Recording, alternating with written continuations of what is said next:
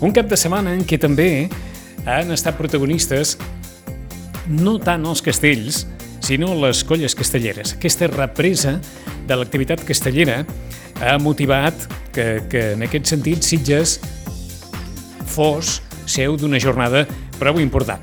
La jove dels castellers de Sitges va ser anfitriona el passat dissabte de la 19a jornada de bones pràctiques de gestió castellera. Una jornada en què, entre altres coses, es posaven sobre la taula de nou el paper de les colles a les xarxes socials, el món de les assegurances, com aquesta represa es pot d'alguna manera o pot d'alguna manera incentivar que la gent torni als assajos i que per tant es torni a recuperar aquella, aquells castellers i castelleres que es varen perdre durant la pandèmia, com recuperar-los, de quina manera.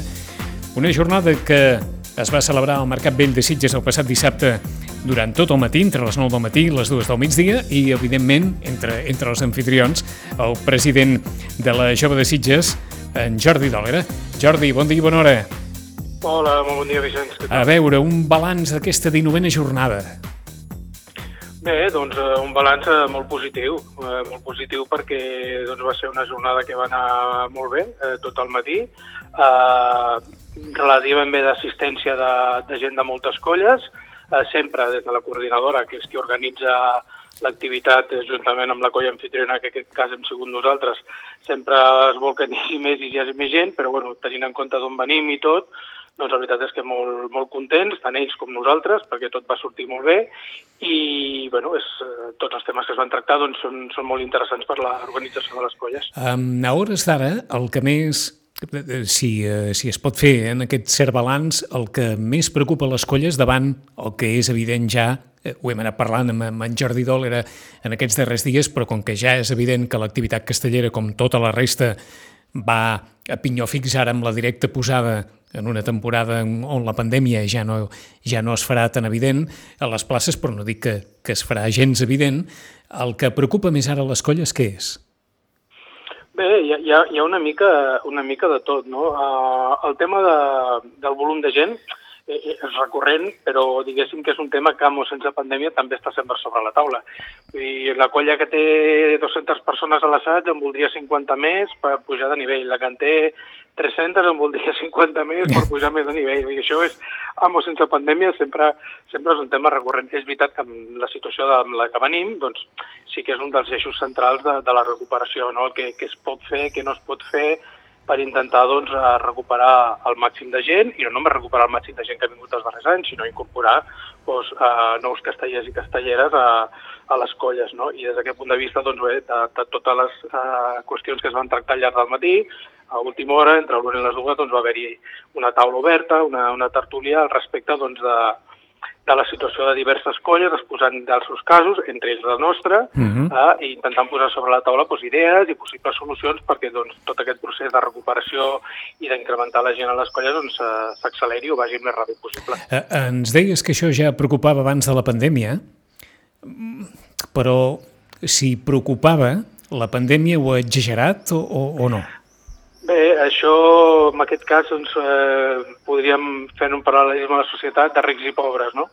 és a dir, les colles grans doncs, han tingut eh, certa capacitat per estructura, eh, per organització, doncs, de que aquesta recuperació sigui més ràpida i es veu clar, doncs, per exemple, amb el nivell que estan donant algunes de les colles capdavanteres, no? Ahir mateix els castellers de Vilafranca, doncs, a l'actuació de les Cires de Maig van fer una grandíssima actuació, ja pràcticament al nivell del que podria ser eh, un altre any, però si agafes, per exemple, el rànquing que organitza l'Associació del Baròmetre Casteller, que és un rànquing que va seguint setmana a setmana les actuacions, els castells que van fer les colles, doncs veus que encara hi ha una trentena de colles que no han pogut sortir a plaça que són les colles més petites i que aquestes són les que estan tenint doncs, més problemes per, per tornar a recuperar el pols i el ritme i, i, i atraure la gent, no? Mm -hmm. doncs, eh, les misèries a vegades de, de, de, de, dels pobres, entre cometes, no? de les colles petites que els està costant molt més i les colles grans doncs, perquè ja tenen una estructura molt més sòlida, eh, més organitzativament també, doncs ho estan recuperant amb, amb certa facilitat, podríem dir. No? Eh, eh, és una pregunta molt retòrica, però a les colles petites Què els falta? Activitat complementària per portar gent o és que els castells no criden prou com a, com a tals? Crec que, que aquí és, és difícil establir un diagnòstic eh, general perquè cada colla doncs, té la seva idiosincràsia, la seva problemàtica local, la seva situació. Eh, hi ha colles que en aquests eh, dos darrers anys han parat pràcticament l'activitat en sec i això és molt més difícil de recuperar. N'hi ha d'altres que no l'han parat en sec de tot, sinó que doncs, els períodes aquells on es podien fer assaigs o es podia fer alguna coseta, doncs van anar mantenint el contacte, van anar fent activitat. N'hi ha d'altres que han fet tota una feina eh, molt social aquests dos anys de, de fer les activitats que en cada moment s'han pogut fer per no perdre el contacte, per seguir eh, mantenint aquest fil. No? Llavors, segons la situació que s'hagi trobat cada colla, doncs clar, eh, l'arrencada doncs, els està costant molt, molt, molt més. No?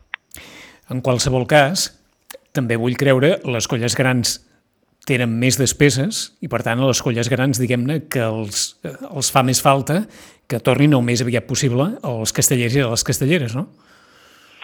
Sí, sí, des d'aquest punt de vista també també és, és obvi que aquestes colles grans eh, hi ha una mica més aquesta necessitat, eh, però per altra banda hi ha un avantatge i és que com que estan acostumades, entre cometes, a competir entre elles, aquest propi factor de competitivitat farà que ràpidament es posin al dia, no? Uh -huh. Això ajudarà que, que de seguida diguin, ostres, que aquest ja està a aquest nivell, que jo també, i, i, i entre elles es vagin apretant i, i segurament els sigui, els sigui més, més fàcil a, a arribar a recuperar aquest nivell.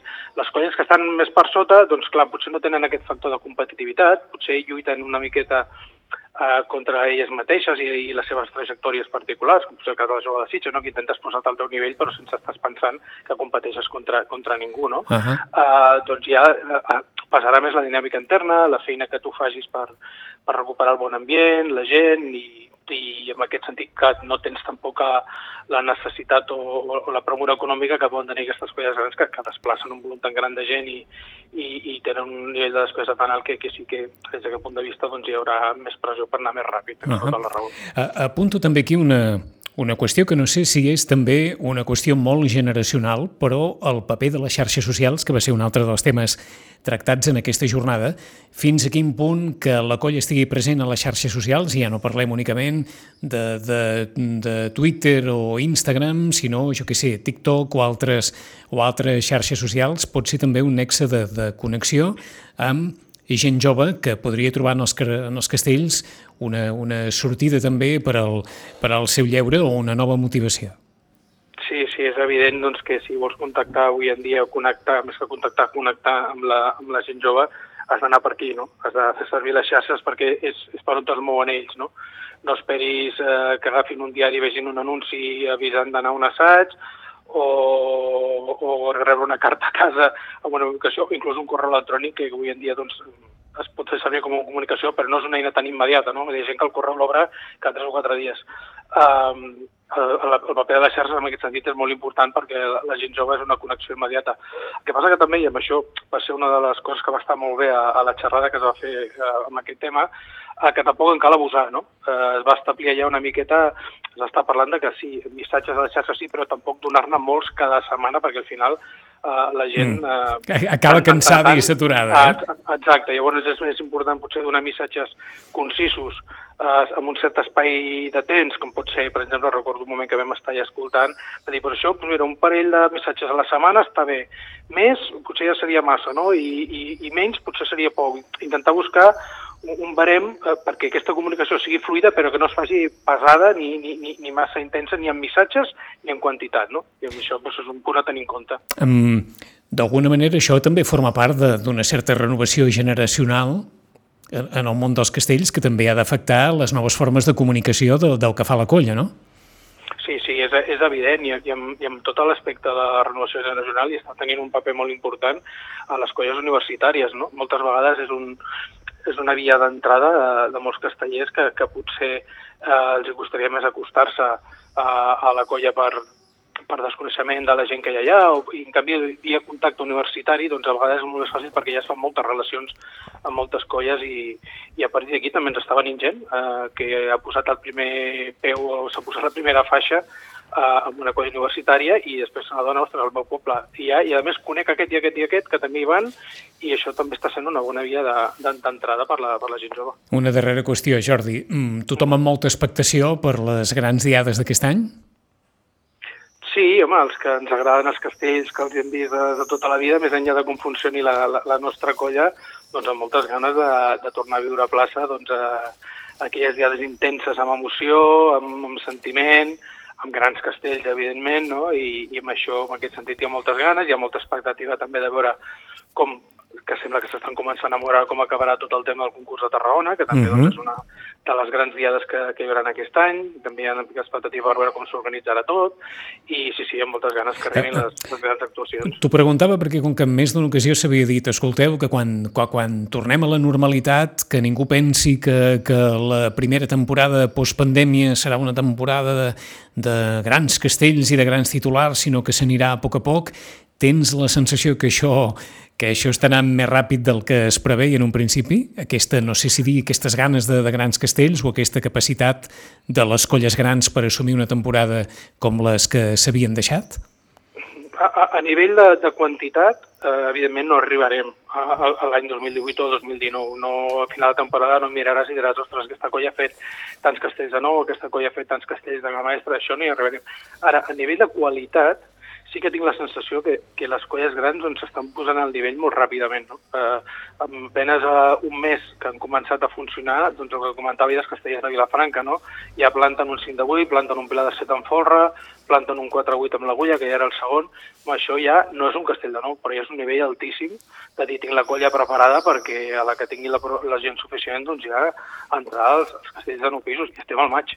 Mm. Vull dir, no, no anirem tan ràpid com no, altres no. anys, però... Però déu nhi eh? Crec que, que, que arribarem, sí, sí, crec que arribarem a, a, a nivell qualitatiu a, a veure grans castells a final de temporada i jo penso que sí. No doncs... potser de totes les coses que els havien fet fa dos anys, però uh mhm. -huh. unes quantes crec que segur. Doncs cada, millor, cada vegada mill millors expectatives per aquesta temporada. A partir de la 19a jornada de bones pràctiques de gestió castellera n'hem parlat de tot plegat amb en Jordi Dòlera, el president de la Jove. Jordi, gràcies una vegada més. Com sempre. Gràcies, adeu-siau, bon dia.